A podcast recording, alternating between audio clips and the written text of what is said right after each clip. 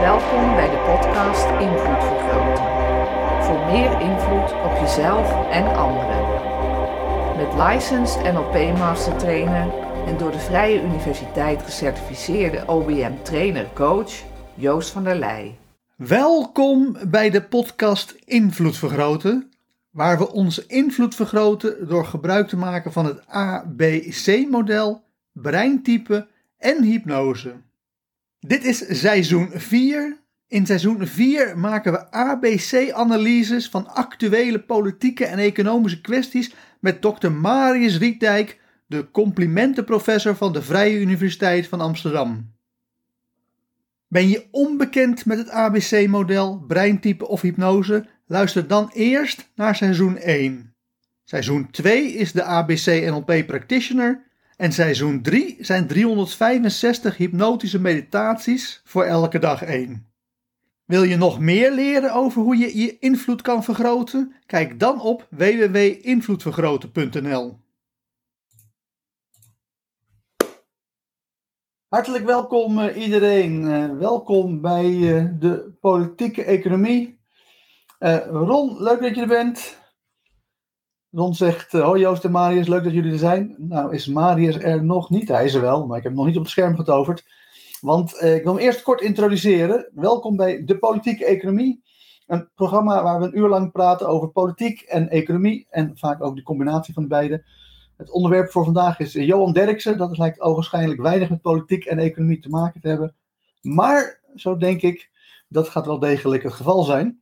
En we gaan het gedrag van Johan Derksen bespreken met niemand minder dan Dr. Marius Rietdijk, de complimentenprofessor van de Vrije Universiteit. Daar is hij dan ook. Ja, goedemiddag allemaal. Joost, goed je te zien. Welkom uh, Marius. Ja, ja. ja ook goed uh, te zien. Volgens uh, Ron is er iets met het geluid. Het geluid loopt niet synchroon, maar ik denk dat het lokaal bij jou is, Ron, want hier loopt alles goed. Ja, het is opgelost bij Ron. Mooi. Ah, mooi. Marius, uh, we hebben het altijd over grote uh, zaken. Poetin, Kaag, ja. klimaat. Deze keer over een kleiner onderwerp, Johan Derksen. Of vergis ik me daarin? Er zit misschien toch een groot onderwerp. Hoe uh, zie jij dat? Ja, goede vraag Joost. Uh, ja, ik uh, denk dat dat wel voor Nederland wel een groot onderwerp is. want ja, het gedrag van culturele leiders is natuurlijk ook belangrijk voor de rest van Nederland. Want we laten ons door hen, hen, beïnvloeden. En dus de social skills en de, de gedragsveranderingsvaardigheden ook van Johan Derksen, die hebben veel impact. In ieder geval op Nederland. Ja. Maar het is natuurlijk anders dan de Poetin. Die heeft wat meer invloed. Maar die, die invloed is, uh, is, sowieso slecht, denk ik. Althans voor, voor de rest van de wereld. Ja. Dus uh, het kan best uh, van belang zijn, ook het gedrag van Johan Derksen. Kijk, en hoe werkt dat? jij zegt culturele leiders, die, als die zich op een bepaalde manier gedragen, dan beïnvloeden ze nou ja, hun volgelingen.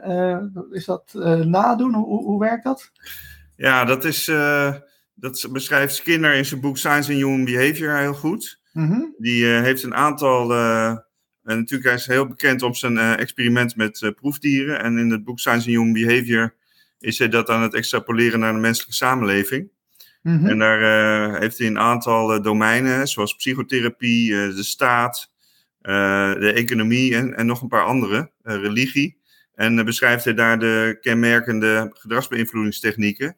Ja. Met name de mix tussen belonen en straffen. Maar mm -hmm. ook zit daar in dat boek een mooi hoofdstuk over persoonlijke invloed. Ah. En uh, dat is uh, ja, hoe je zelf gewoon in het dagelijks leven invloed hebt op andere mensen. Mm -hmm. En hoe je reageert op een, uh, een meest effectieve manier. Dus dat is ook wel mooi om dat te gebruiken bij het analyseren van Johan Derksen's gedrag. Ja, want hoe werkt het dan? het is, ja, ik denk, ik vermoed dat bijna iedereen weet wat er aan de hand is. Maar voor de zekerheid laat ik het nog kort even herhalen.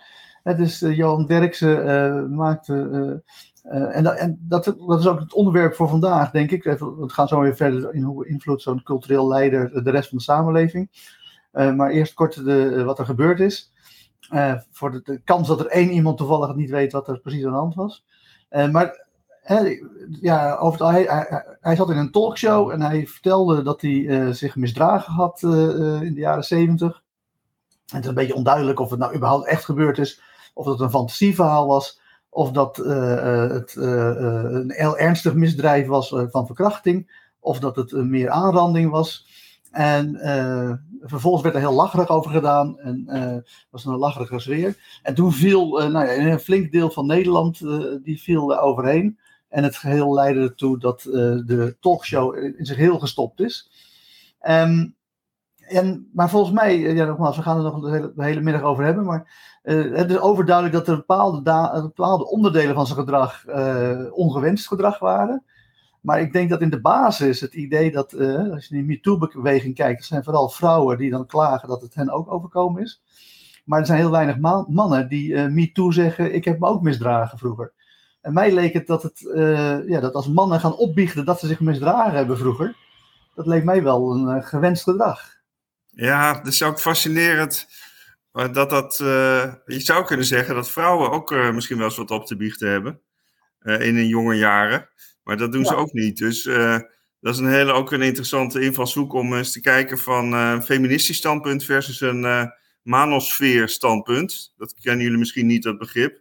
Dat maar er is ook een groep ja, mannen vooral die zeggen, ja, het feminisme is te ver doorgeschoten. en die zitten in de zogenaamde manosfeer. En die zeggen dat veel vrouwen als ze jong zijn een beetje de beest uithangen en alfa-mails opzoeken. En als ze ouder zijn, dat ze dan gaan klagen. En, eh, eh, en dat mannen dan eh, vaak, als ze dan eindelijk, uiteindelijk dan een vrouw kunnen krijgen, als ze wat ouder zijn, dat ze dan ook zich aanpassen aan de feministische denkwereld. Ja. En, en Johan Derksen, dat is natuurlijk typisch een man van de macho en dominante kerels, die, waar vrouwen toch vaak wel opvallen. Mm en, ja, en als die vrouwen van middelbare leeftijd zijn, dan, dan gaan ze vaak pas klagen over wat er twintig jaar geleden gebeurd is. Als dit al een voorbeeld is, maar er zijn natuurlijk veel meer voorbeelden. Ja. Dus dat lijkt me ook wel een leuke manier om toch iets te relativeren ook allemaal. Ja, nee, daar we zien, er wordt een hele interessante discussie uh, deze middag. Um, maar voordat we daaraan beginnen, heel specifiek, ben ik toch nog wel geïnteresseerd in dat, uh, uh, hoe, hoe is het zo dat dan volgens Skinner dat gedrag van Johan Derksen zijn achterban beïnvloedt? kan je daar iets meer over zeggen? Ja, ehm, in de feministische maatschappij en levensvisie is het natuurlijk helemaal niet de bedoeling dat een macho man een vrouw ja, als macho behandelt. Want een feminist zegt van nee, we moeten ieder gelijk behandeld worden. En dat is natuurlijk de clash. Terwijl vrouwen dan, en dat is dan wat inconsistent in de feministische visie, dat vrouwen in het algemeen toch vallen op, op mannen die net iets hogere opleiding hebben uh, meer uh, geld verdienen, langer zijn, dat soort zaken. Dus daar zit wat inconsistentie in. Ja. Dus ze zeggen het een en ze doen uh, vaak het ander. maar er is dus een clash tussen twee werelden, tussen de macho's, de alpha-males, die zich denken van alles ze kunnen permitteren. Mm -hmm. en, en de vrouwen die, die daarin meegaan. Vaak vrouwen in de party years, dus tussen 18 en 28. Uh, en uh, anderen die, eh, die, willen, die vinden dat schandalig wat daar gebeurt. Ja. Uh, dus de. even denken. Wat was mijn vraag? Oh ja, ik moet eerst iets bekennen, namelijk met mijn achtergrond. ik ben opgevoed vanaf mijn vijftiende zo'n beetje, zat ik in de, de wereldwinkels in de linkse wereld. En toen ben ik opgevoed door uh, lesbisch leministen, want ze vonden de term lesbisch feminisme vonden ze te patriarchaal. Dus dan hebben ze het omgebouwd naar lesbi of, uh, lesbisch le leminisme. Dat was, Mooi. Uh, ja, want je moet natuurlijk niet meegaan met de beschrijving van de mannen. dus ik ben altijd heel, nou ja, dat met die paple paplepel gelijkheid tussen mannen en vrouwen ingevoerd. Maar ik denk dat de situatie is dat als vrouwen tussen de 18 en de 28, uh, in de, wat jij de party years noemt, uh, de beest uithangen. Dat is natuurlijk wel dat ze dat uh, uit vrije wil doen, maar dat dan nog steeds geldt dat als zo'n partyvrouw bewusteloos is van de drank, dat het dan ja. gepast is om ervan af te blijven. Zeker, ja. ja, dus... ja ik weet niet. Kijk, dat is weer iets wat Skinner dan in dat hoofdstuk benoemt. Ik ben dan heel benieuwd natuurlijk naar de interacties die hebben plaatsgevonden tussen Johan Derksen en zijn vrouw. Als ik begrepen heb, zijn ze uitgenodigd door die vrouwen bij hun thuis. Ja. En hebben zich uitgekleed, dus dat is wel een uitnodiging, denk ik. Maar dat wil niet zeggen dat je natuurlijk een bewusteloos vrouw dan moet beminnen. Om het maar heel eufemistisch te zeggen. Maar ja. laat staan, ja, een kaars tussen of in de benen, waar precies het gebeurd is, weten we niet. Maar dat, of het is een fantasieverhaal. En ja, en dan moet het toch op een gegeven moment ook te bewijzen, voor zover dat kan, want het geheugen laat ons ook vaak in de steek, moet het toch de doorslag geven en niet allerlei geruchten. Mhm. Maar gezien zijn reactie van, uh, van spijt, zal hij toch, uh, neem ik aan, dingen gedaan hebben die, uh, die nu niet in ieder geval en toen waarschijnlijk ook niet door de beugel konden. Nee, precies. Ik, ik heb zelfs een voorval meegemaakt, maar nog in mijn tienerjaren op het gymnasium. Hadden we een reis naar uh, Rome, waar we echt uh, als, nou ja, als beesten tekeer zijn gegaan. Ga je ook iets bekennen nu, Joost? Of. Nee, ja, ik ga, ik, ga laten zien hoe het Vesbisch Leninisme een positieve invloed op mij heeft gehad. Um, want, nou ja, we waren, wij gingen ook als beesten tekeer in Rome. Iedereen was ladder zat. En op een gegeven moment was het zo dat een van de leukere meiden uit de klas, die was ook knock-out gegaan van de drank. En toen waren er een heel stel jongens die wel haar wilden helpen omdat ze zeiden van ja, maar als je in zo'n spijkerbroek uh, in slaap valt, dat is gewoon hartstikke naar wakker worden. Dus laten we haar maar uitkleden. En ik heb geen idee het afgelopen is. Ik weet alleen dat ik gezegd heb, flikker op. Uh, ja, ik was wat mijn Vesby-Leninistische achtergrond. En van laat het, laat het maar gewoon lekker op bed liggen en, en, en rot er even een eentje op. En dus ja, dit, ik kan me goed voorstellen dat dat soort dingen inderdaad, zeker op die leeftijd, dat soort dingen allemaal goed gebeuren. Of het hier ook gebeurd is, is ja, ja, ja, ja. Maar dus in ieder geval, als het gebeurt, is dat ongewenst gedrag. Dus ik denk dat we het daarover eens zijn. Ja. Um, en dan vervolgens is het zo dat als je dat vervolgens als een grap presenteert, uh, dat is waarschijnlijk ook ongewenst gedrag. Uh, zo gok ik.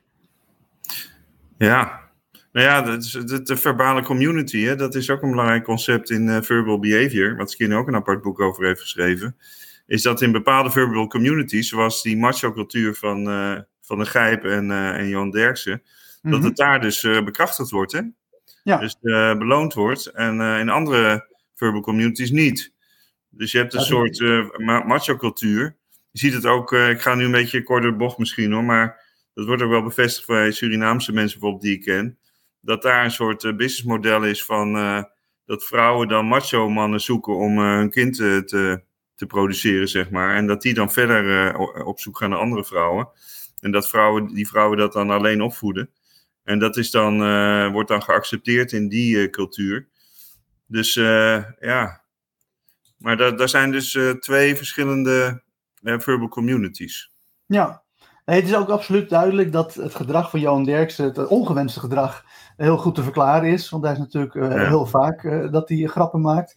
En hij krijgt daar zowel financiële beloning voor, als status, als een achterban die hem toejuicht. dus het is heel begrijpelijk waarom die uh, waarom überhaupt het hele team uh, met enige regelmaat over de schreef uh, ging.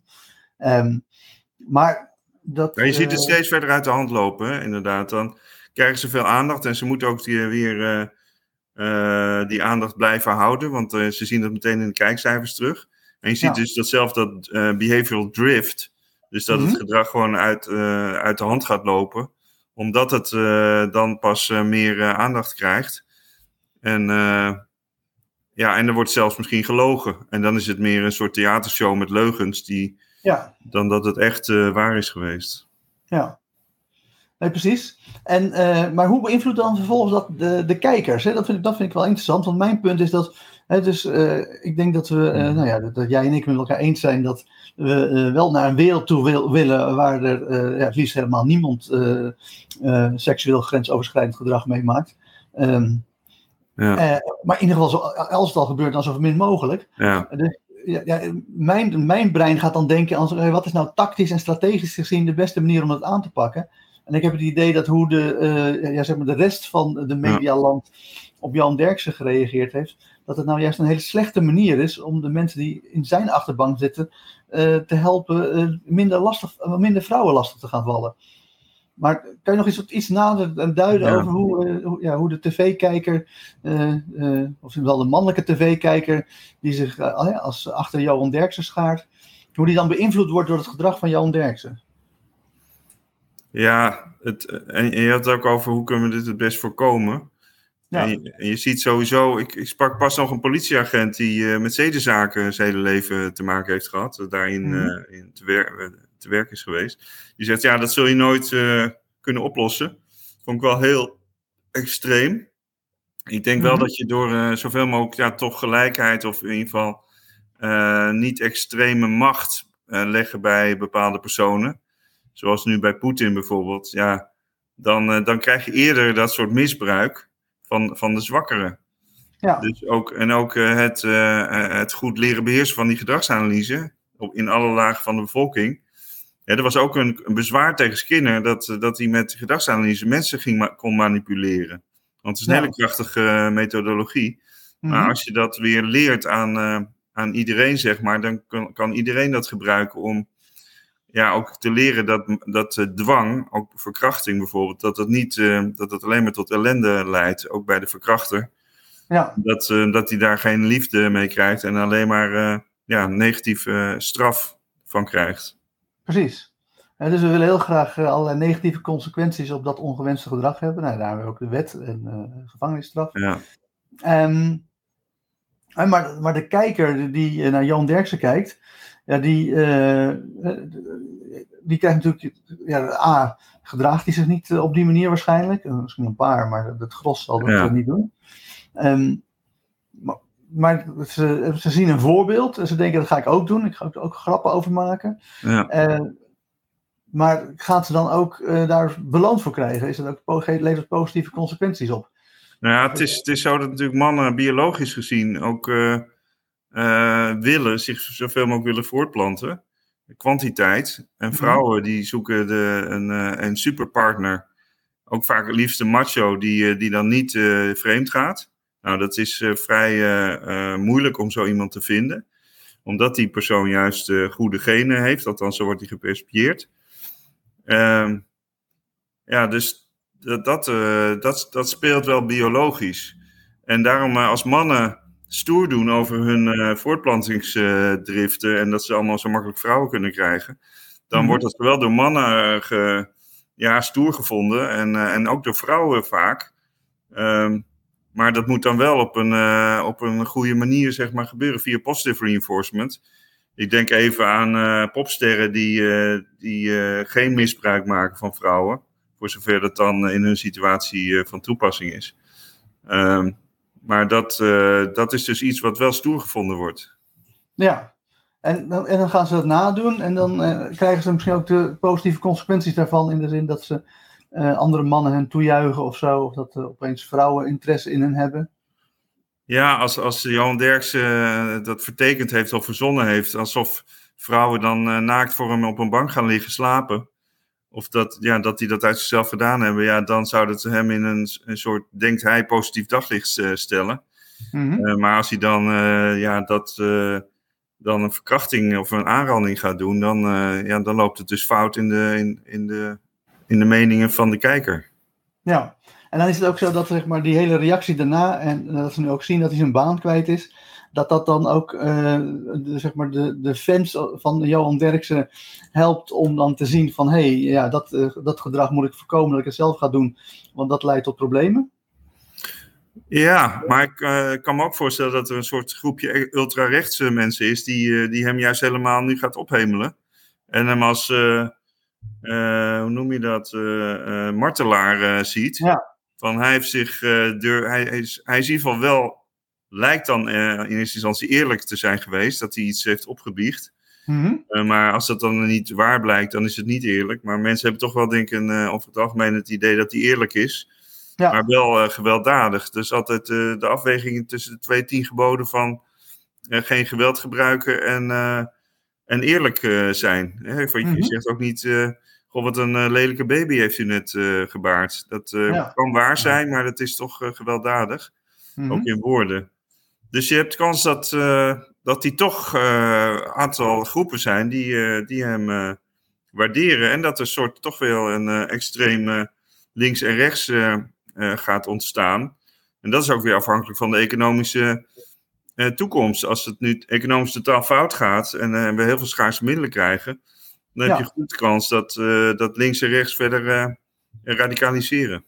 Ja, nou ja, dat zie je natuurlijk in Amerika ook nu al, dat ze abortus willen verbieden. En dat, ze, en, dat, en dat abortusverbod in Amerika, dat willen ze doen op basis van een, uh, een gecreëerd grondrecht, wat eigenlijk niet in de Bill of Rights staat, in de, echt letterlijk in, in staat. Dat is namelijk de right on privacy. En dat is niet, niet privacy zoals wij dat kennen, zodat je lekker je eigen gang mag gaan. Maar privacy in de zin dat je je, je leven mag leiden zoals je dat zelf wil.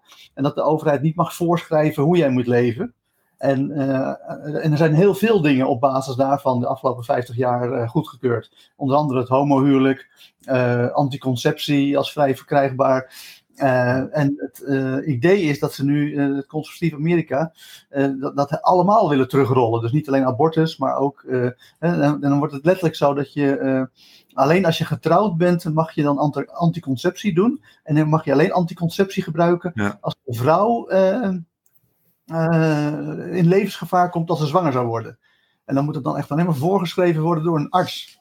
Ja, ja het is eigenlijk een beetje de moraal van de, van de middenklasse, hè, om vrouwen te beschermen.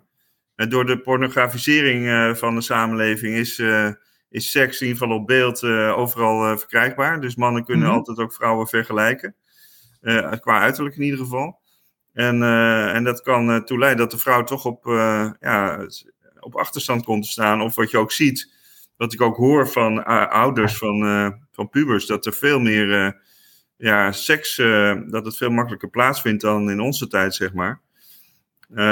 dus ik denk ja. dat dat ook een reactie is op de, op de ik achterstand de van de. zien vanaf erg jong. Ik geloof niet dat wij. Jij had er geen last van.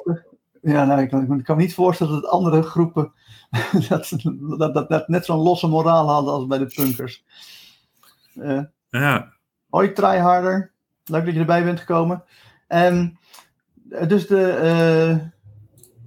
Uh, uh, maar ik denk dat de Amerikaanse, zijn natuurlijk van, van die evangelisten die hierachter zitten, dat ze dus het Bijbelse commando ga heen en plant u voort uh, gewoon in, in achterhoofd nemen. En dat er ook echt wel economische redenen achter zitten, in de zin dat ze gewoon zien dat andere religies zich sneller voortplanten dan de christenen. Hmm. En dat ook tegelijkertijd de, de vergrijzing plaatsvinden. En dat ze gewoon letterlijk denken van, nou ja, als we gewoon ervoor zorgen dat gewoon niemand abortus krijgt en er geen anticonceptie is, en dan worden er gewoon veel meer, veel meer vrouwen zwanger per ongeluk en die gaan allemaal kinderen baren. En dan hebben we tenminste gewoon weer christenen die weer gewoon onze fabrieken kunnen vullen. Ja, ja misschien dat er ook een soort racistisch motief uh, achter zit, dat weet ik niet. Maar uh, dat, uh, ja, dat blanken dan... is vrij groot. Ja, dat die dan uh, binnen die communities van christenen zitten en extreem rechts. En dat dan een soort raszuiverheid uh, wordt gepredikt. En, uh, en racisme naar andere groepen die vaak ook in de IQ-discussie, waar mijn vader het overigens, die was ook een beetje racistisch wat dat betreft. Die geloofde echt dat, dat donkere mensen bijvoorbeeld een lager IQ hadden. Ja. En nou ja, je ziet dat ook een beetje bij Forum voor Democratie dat die daarom uh, ook juist geen uh, buitenlanders uh, weer willen. Ja, nee, het is ook, maar dat, ja, de IQ-discussie slaat helemaal nergens op. IQ is echt, nou ja, het is gewoon een frauduleus instrument. Ja. Dus je hebt namelijk een hele hoge correlatie tussen mensen met een hele lage IQ en met heel weinig toekomst. Dat betekent namelijk, als je geestelijk gehandicapt bent, ga je waarschijnlijk geen carrière maken. Maar als je een IQ boven de 100 hebt, nou, dat zullen wij allebei hebben, dan is er geen enkele pijl op te trekken uh, wat er met je toekomst gaat gebeuren. En het punt is, als je die hele extreem hoge correlatie met geestelijk gehandicapten combineert met die totaal geen correlatie van mensen met een IQ boven de 100, dan krijg je toch nog een mooie, mooie correlatie voor het geheel. Maar het is natuurlijk zo fake van Niels Gunster. Uh, Tryharder is heel blij. Wat leuk om een Nederlandse stream te vinden met dit soort interessante onderwerpen ah. worden behandeld. Nou, top. Dankjewel. Dankjewel Leuk om te horen. Ja, Um, en dan, dus ja, en, dan, en, nog even over dat IQ heel kort. Uh, uh, uh, Warren Buffett die heeft pas weer zijn aandeelhoudersvergadering gehouden. Wij hadden trouwens een paar weken terug onze eerste beleggersweekend, Joost. Was hartstikke leuk. Ja. Maar die zegt, ja, je moet niet al te slim zijn om te beleggen. Je moet niet een IQ van 180 hebben, want dan, ja, dan ga je allemaal denken dat je het het beste weet. En dat je allemaal wiskundige formules moet toepassen op beleggen. Maar dat is vaak, werkt dat helemaal niet goed in, nee, in de resultaten. Dat, is wat ik ook zei tijdens dit weekend. Ik heb overigens de, de link van ons handel op de beurs, om rijk te worden op de beurs, heb ik in de chat gezet, specularen.nl. Ah, ja. wat ik ook zei, je moet, ja, je, moet, je moet tussen heel slim en heel dom inzitten. Dat, eh, als je te slim bent, dan ga je heel veel geld verliezen op de beurs. En als je te dom bent, ga je ook heel veel geld verliezen op de beurs. De beurs is voor, nou ja. Voor middelmatige mensen zoals ik. Ja, ik, ik, eh, ik wilde niet zeggen, maar. Uh, nou. nee, maar mag je best denken. Ja, ik ben, ja, ik ben helaas te slim voor de. Ja, jij bent te slim. Ja. ja. En, Hoe ga je daarmee om trouwens, met al die slimheid? Nou ja, van jou leren. Dan, ja, kan ik je een beetje naar het gemiddelde trekken. Precies. Um, en we, dus, we, hebben dus inderdaad een, eh, een, een, ook in Nederland, iets minder sterk dan in Amerika, hebben we een hele conservatieve stroming uh, die ja. ja. weer terug wil naar de 19e eeuw, als het ware. Ja. En, maar ik heb niet het gevoel dat Johan Derksen daarbij hoort. Hè. Die is, dat is eigenlijk meer zo'n vrijgevochten hippie, zo'n ja. bluesman die lange haar heeft. En, maar die, zit, ja, die, die, die vindt die trek naar dat, naar dat conservatieve vindt hij heel naar toe. Maar die vindt die trek naar het hele woke gebeuren vindt hij ook heel naar. En uh, ja, hij wilde natuurlijk daar uh, duidelijk maken van, uh, ja, het, en dat, dat is wat hij zelfs althans zegt. Hè, van, ja, al die mannen die allemaal dingen roepen, ja, niemand heeft een schoon geweten. Dus iedereen heeft wel iets stouts gedaan in zijn jeugd of in zijn vroege jaren. Maar gek dat je eigenlijk zo tegen dat woker is, hè? Als hij zelf een linkse hippie was, dan zou je verwachten ja. dat hij toch ook wat feministischer zou zijn en ook antidiscriminatie zou zijn. Maar... Ja, maar ik denk dat hij dat ook wel is. Maar, uh, hij, hmm. maar hij, is, hij vindt gewoon dat het.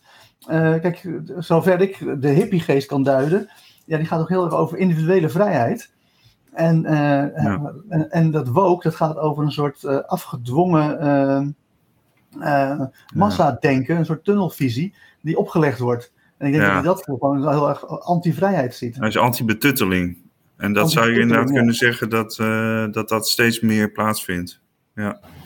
Uh, zegt, ik heb als student gewoon een klein vermogen bij een ASN beleggingsfonds. Ik merk dat het zelf beleggen niet voor mij is op emotioneel gebied. Nee, dat is ook wat wij altijd zeggen. Het is emotioneel. Je moet primair omgaan. Hoe ga je om met stress? maar Marius heeft een hele stress, stressvrije vorm van beleggen, heeft hij. En ja, ik inderdaad een beleggingsfonds ben ik pas gestart. Uh, dat heet Rijk Slim van rijkdom naar rijkslim.nl. Daar staat ook uh, op die website uh, de filosofie.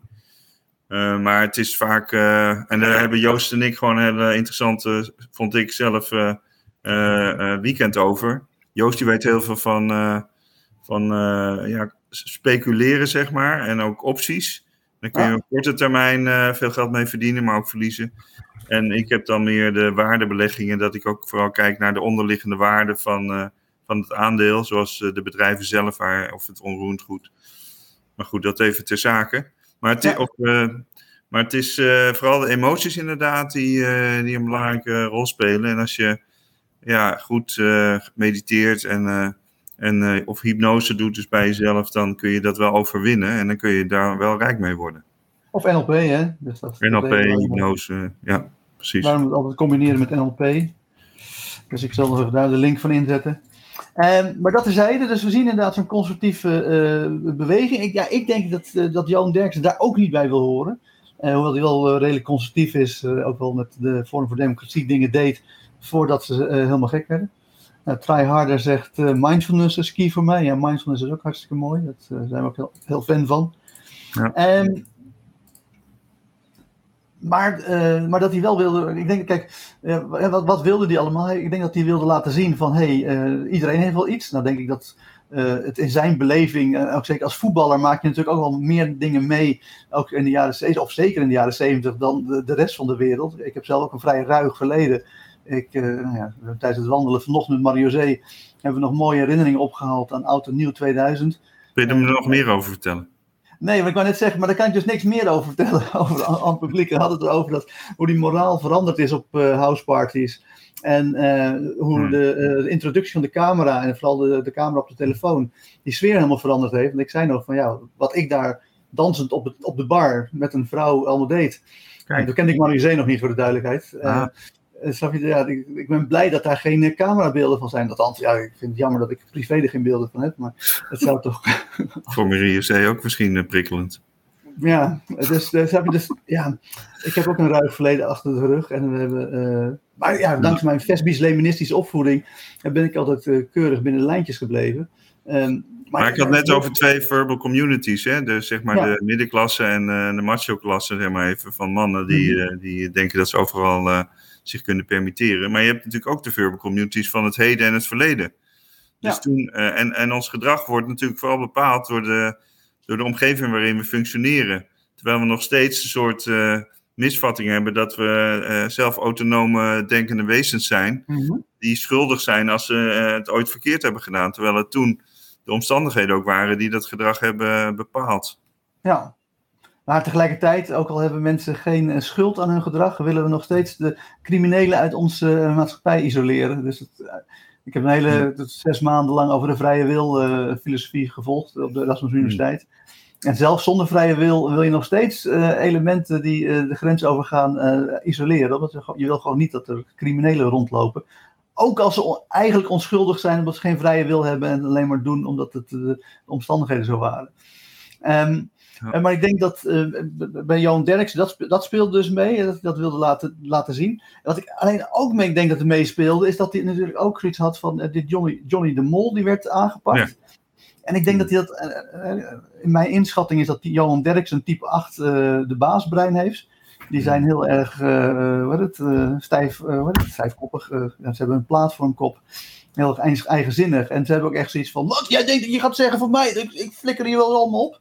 Dat heeft ze niet zo heel letterlijk gezegd. Maar je kan wel zien dat hij had van: Ja, dag, ik ga echt niet de, een beetje de directie laten bepalen of het nog door mag gaan of niet. Ik kap er zelf mee. Um, en die, komen erg op, die hebben erg sterk neiging om op te komen voor de underdog. Dus ik heb ook het gevoel dat Johan Derksen op wilde komen voor Johnny de Mol zoiets van, joh, hè, uh, we hebben allemaal wat ellende in ons verleden. En uh, als we nou iedereen gaan afrekenen op wat we allemaal uh, als tiener of als begin twintig allemaal fout gedaan hebben, dan zijn we nog een eind van huis. Ja, maar dat vind ik toch een beetje, juist een beetje fout overkomen. Ten eerste okay. omdat Johnny de Bol de zoon is van zijn baas. Ja. Dus dan is het een beetje verdacht. Maar dat wilde ik precies. Zeggen, ja, of was het een afleidingsmanoeuvre, hè? Ja. Of was het gewoon dat hij zoiets, al dan niet geïnstrueerd door papa de mol. Zo van, hey, kan jij eventjes zorgen dat mijn zoon uit het nieuws eh, haalt? Ja, ik denk niet dat, uh, dat Johan daarop zou zijn ingegaan. Maar het is wel een indirect compliment aan uh, John.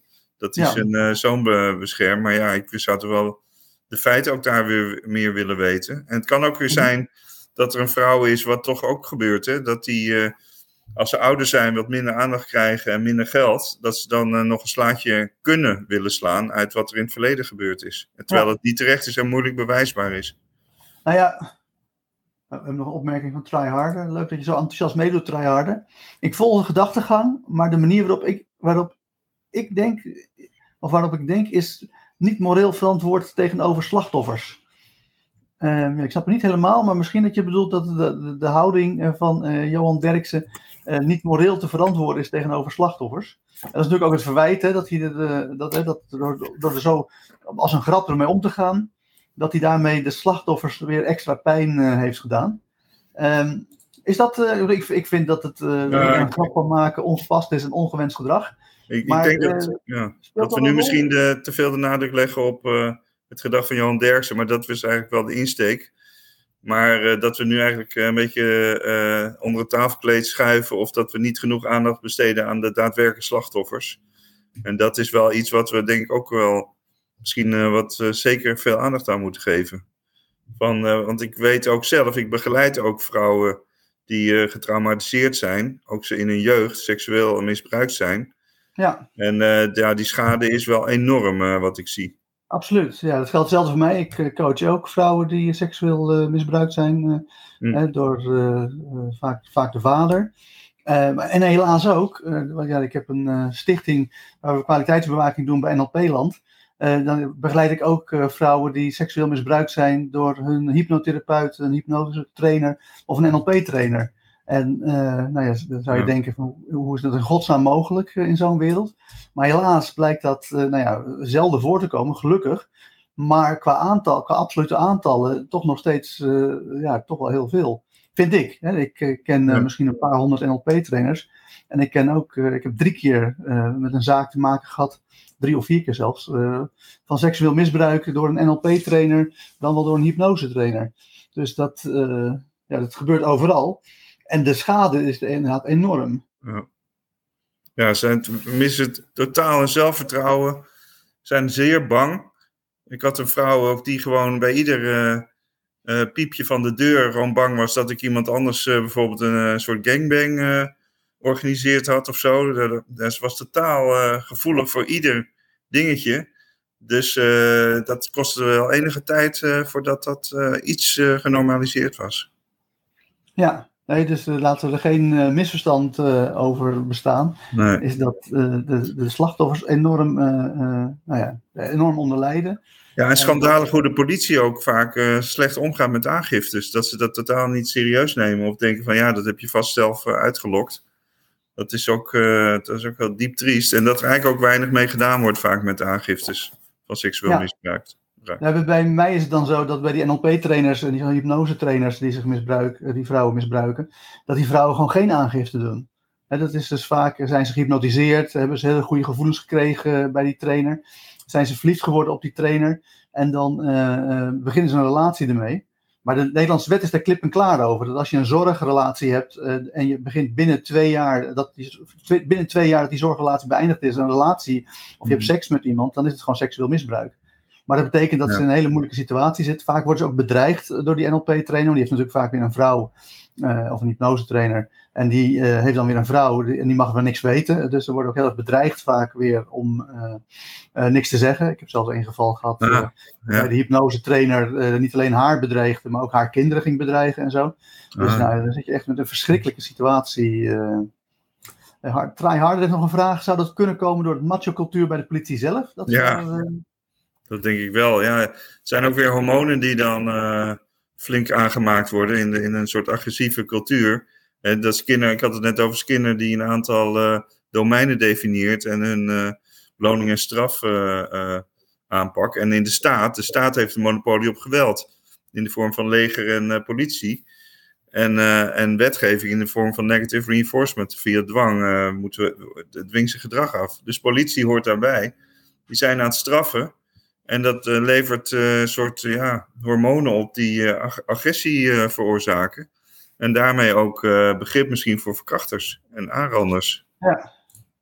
En dus laten we vooropstellen dat we op geen enkele wijze iets willen afdoen aan het leed van slachtoffers. Ja. Daar ook bij stilstaan.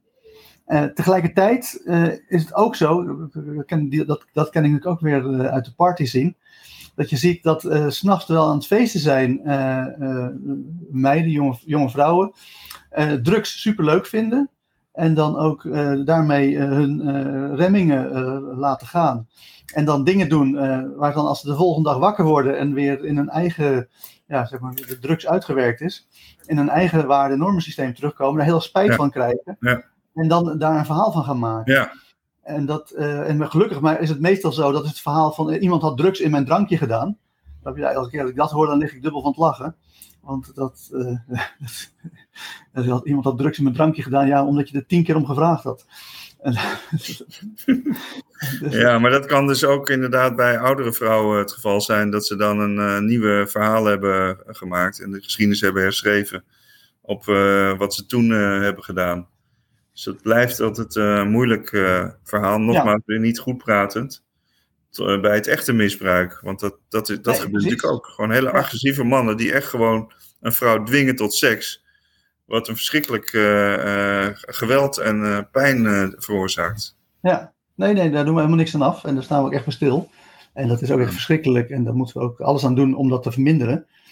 alleen mijn, mijn andere vraag is: is, uh, is dan. Uh, maar ik denk dat we daar al een antwoord op krijgen. Want uh, ik denk dat wat jij zei van ja, het feit dat nu een hoop mannen zien van hé, hey, die Johan Derksen die is in de jaren 70 over de schreef gegaan. En die wordt daarvoor al, nu alsnog voor gestraft. Dat dat wel een remmende werking heeft om voor zelf over de schreef te gaan. Terwijl voor dat kleine groepje extreem of extreemrechtse mannen die dan denkt van, nou, hè, ze, hebben, ze, hebben, ze zijn, zijn aan, ons aan, aan onze Johan gekomen. Daarvoor geldt dat het misschien zo is dat ze zich toch al over de schreef zouden gaan. En dat ze Johan meer gebruiken om hun gedrag te, te, te, rechtvaardigen. Dat het niet per se, hoe zeg je dat? het, de boycott van Johan Derksen ze aanzet om nog meer over de schreef te gaan. Dat is meer dat ze dan. Nee. dus het zal een soort feminiserende werking hebben op die mannen. En dat is dan, ja, wel, wat ik toch wil citeren, de rational mail van Rollo Tomassi. Die heeft zeg maar die manosfeer met name ontwikkeld.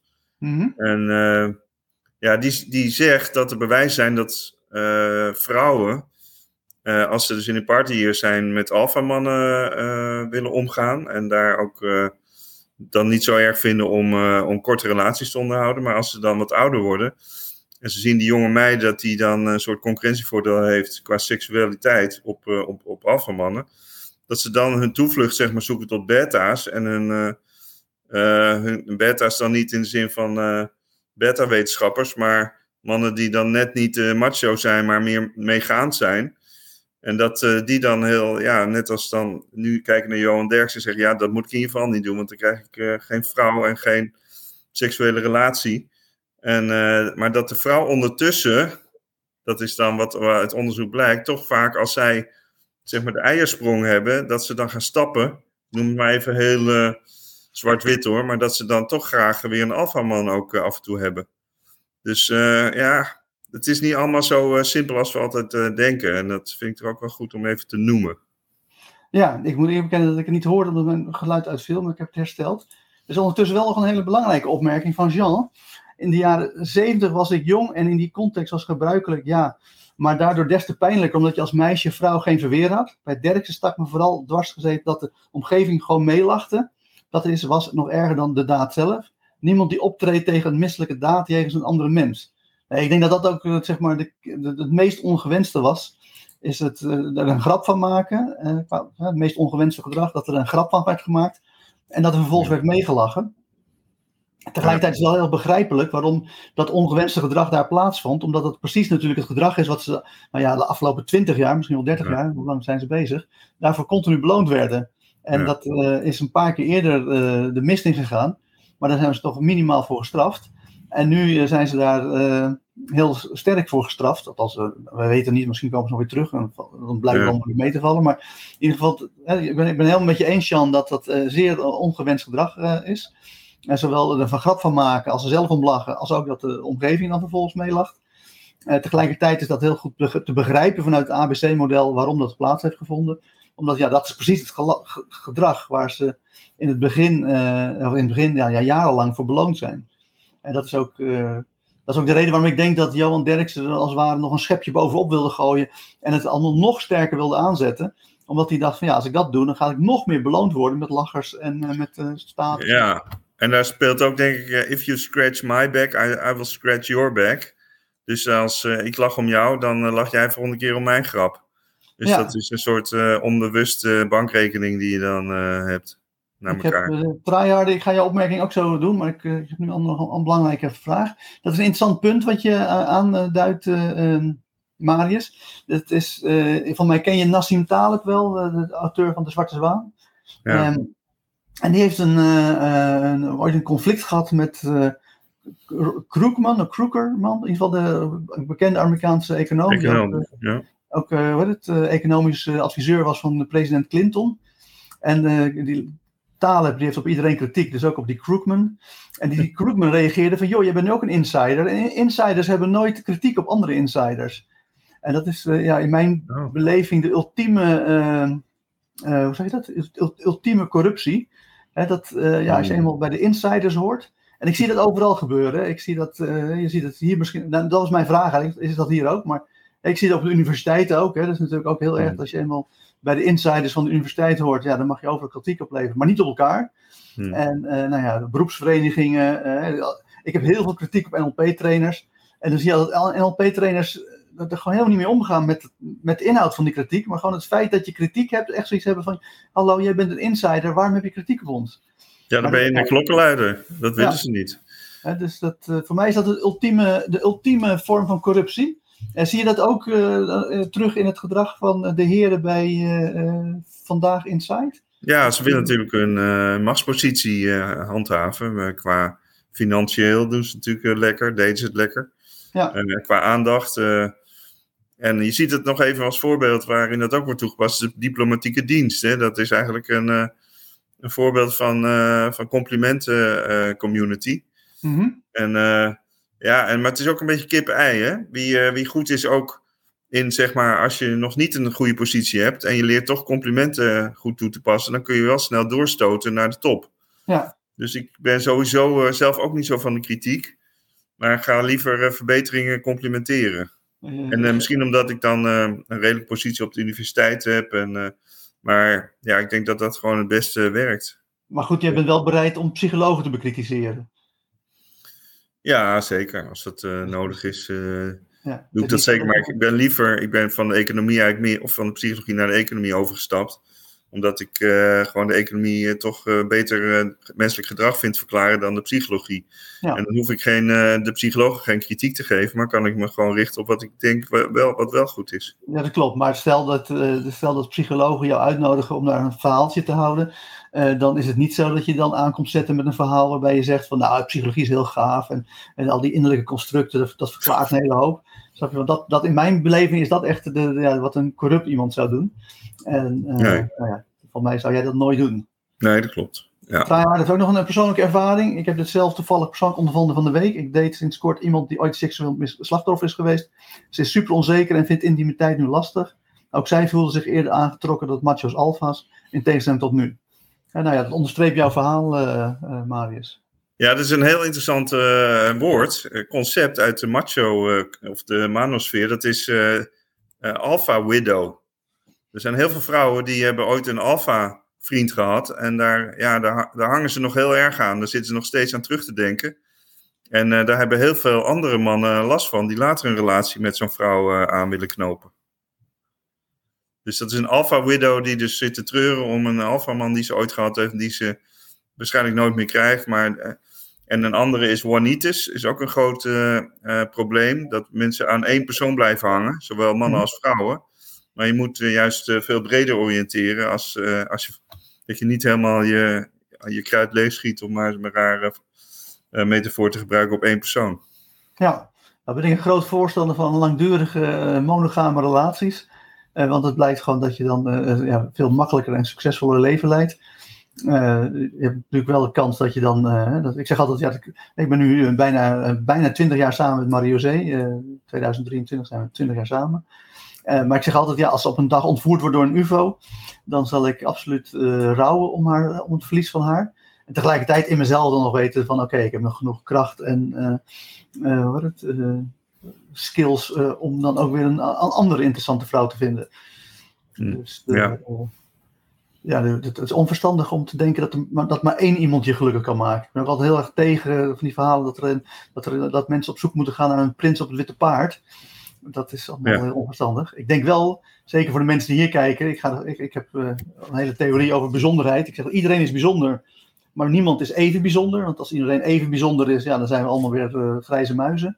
Dus dat betekent dat er een hiërarchie van uh, bijzonderheid is.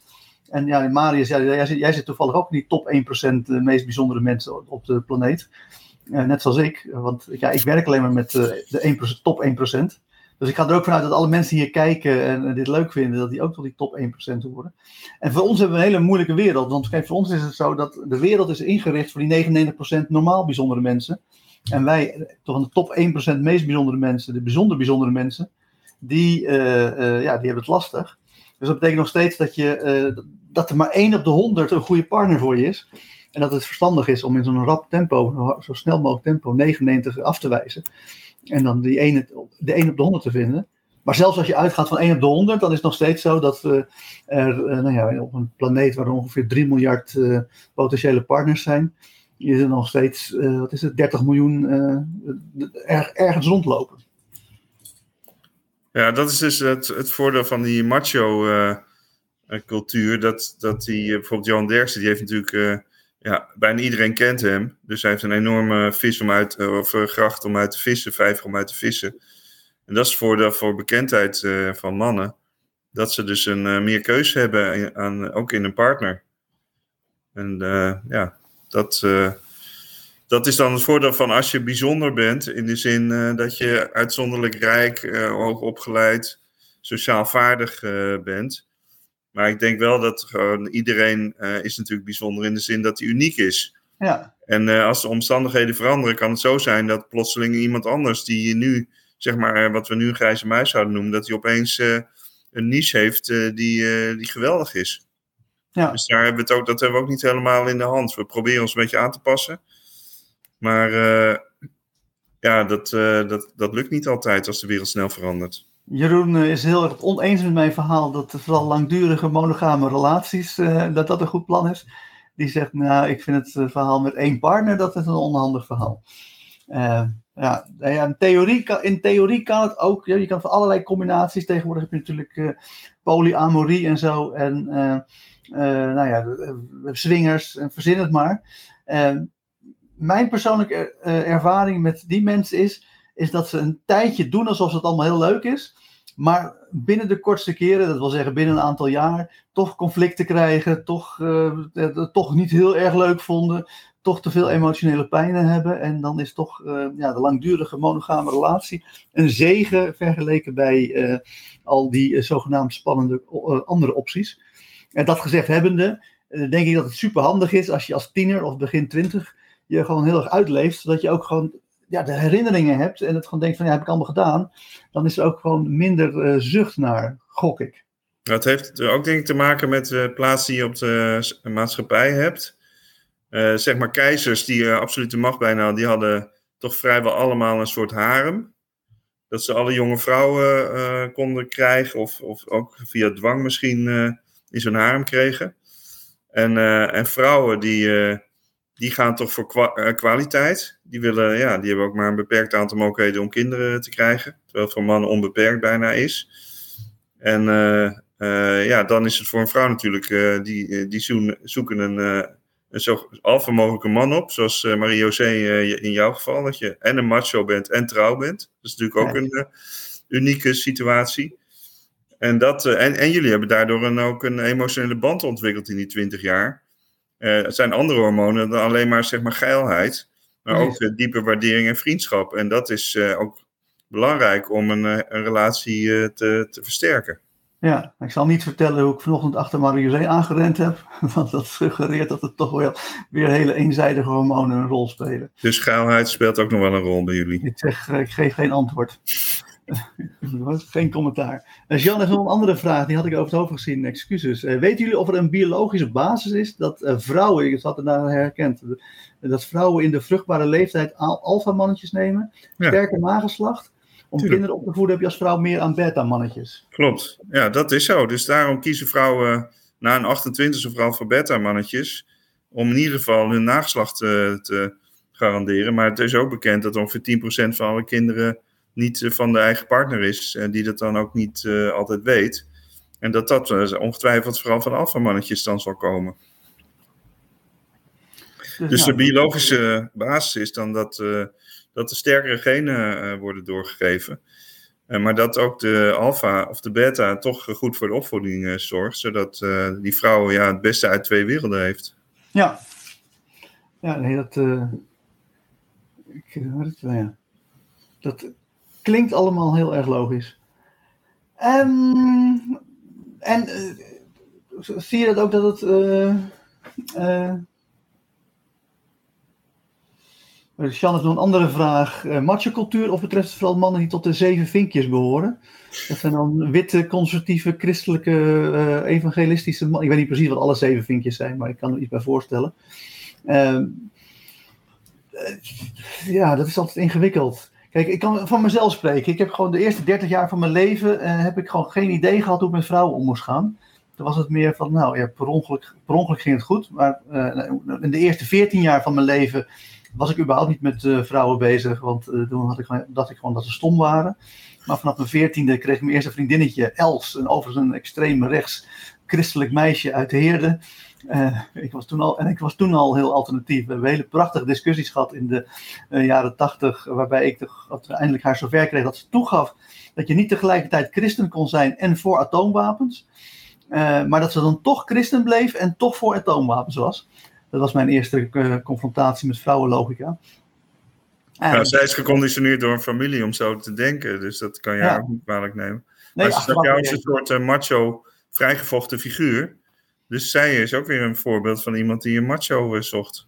Ja, dus, maar, dus ja, de, het, hoe zeg je dat? De, dus ja, ik zat toen vanaf mijn 14 een beetje in het alternatieve scene en dan vrij snel vanaf mijn 15 de punk scene. Ja, daar was het gewoon heel makkelijk. Snap je? Dus daar was het gewoon dat je, je keek elkaar aan. En eigenlijk was het enige wat ik zei als opmerking: nou, wat, wat dacht je ervan? Ja. En dan dacht ik, ja, dat lijkt me een prima idee. En dan, niet?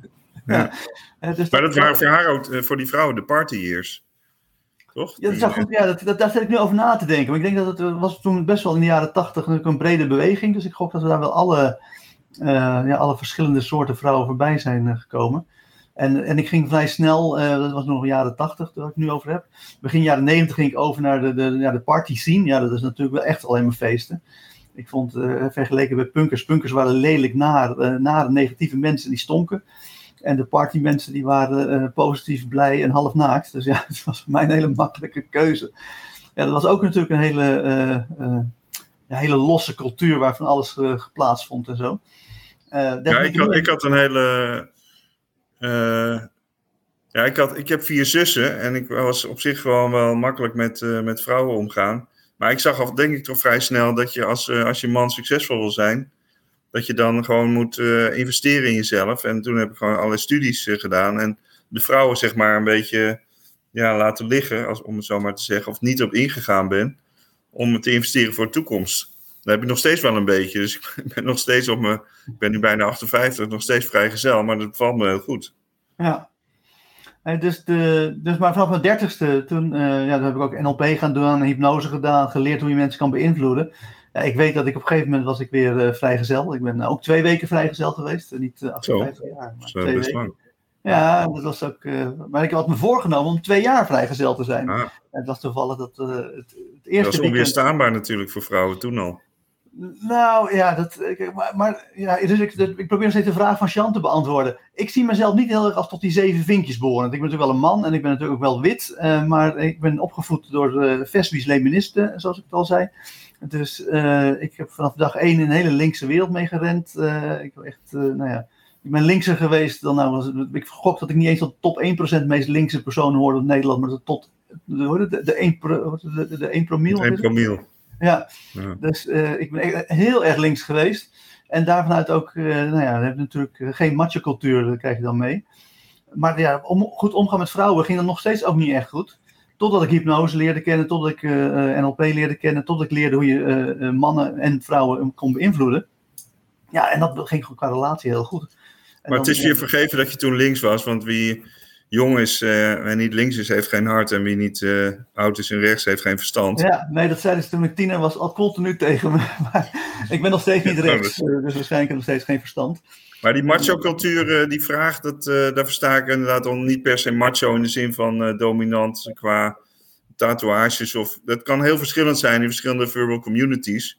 De ene is macho als professor in de oudheid en de andere is macho als voetballer. Het hangt een beetje van de, van de stam af waar je in zit. Ja. En die zeven vriendjes, ja. Het is ook gewoon, het is gewoon, de meeste mannen hebben gewoon geen idee wat ze moeten doen. Dus dan denk ik ook dat heel vaak uh, aanrandingen en verkrachtingen ook voortkomen uit onwetendheid. Ja, Want als je alleen maar, snap je, het is niet zo dat elke vrouw mij fantastisch vond op zo'n party. Maar als je wist op zo'n party wat je moest doen, gewoon hoe je moest kijken, hoe je moest bewegen, uh, hoe je contact moest leggen. En hoe je kon testen of de ander wel of niet geïnteresseerd in je was. En als je dan ontdekt, van, nou, die is totaal niet geïnteresseerd in mij, nou, hup, meteen wegwezen, geen seconde aan verpesten.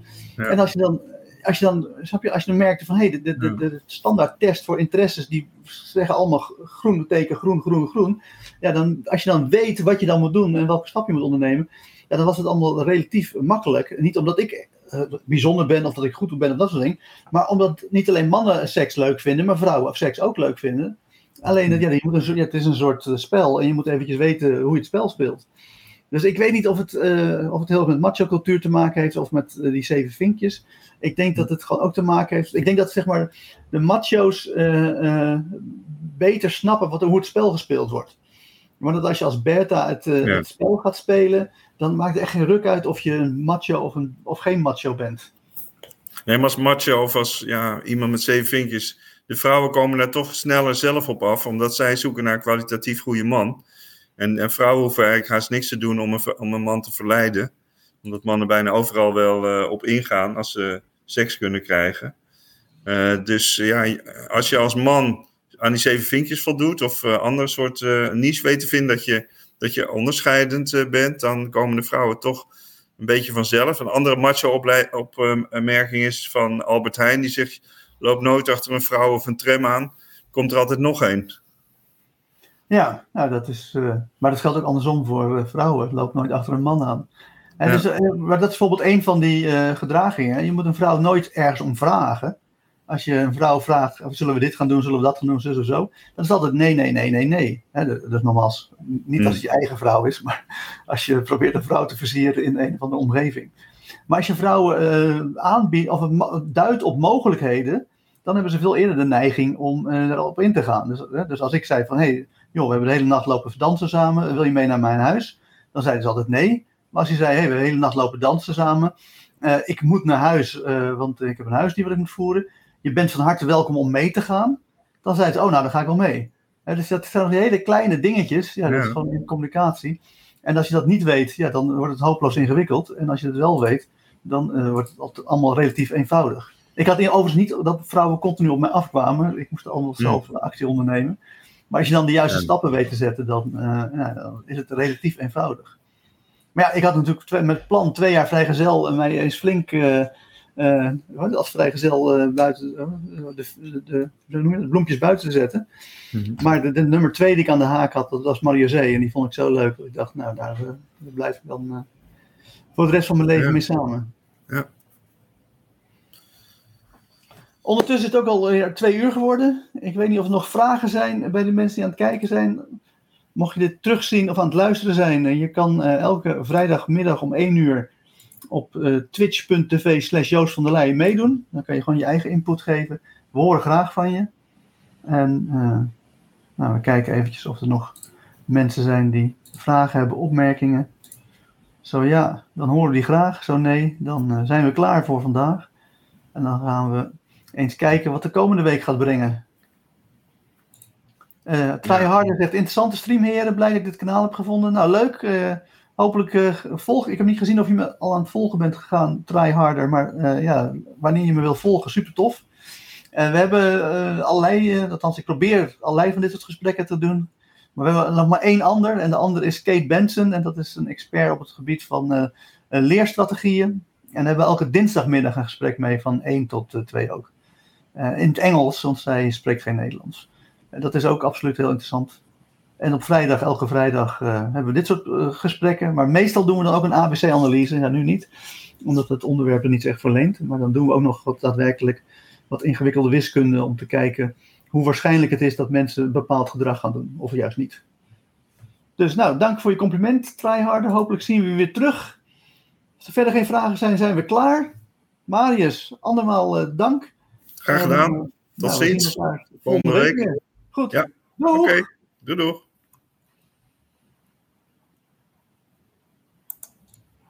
Dank voor het beluisteren van de podcast Invloed Vergroten. Voor meer gratis tools om je invloed te vergroten, ga naar invloedvergroten.nl.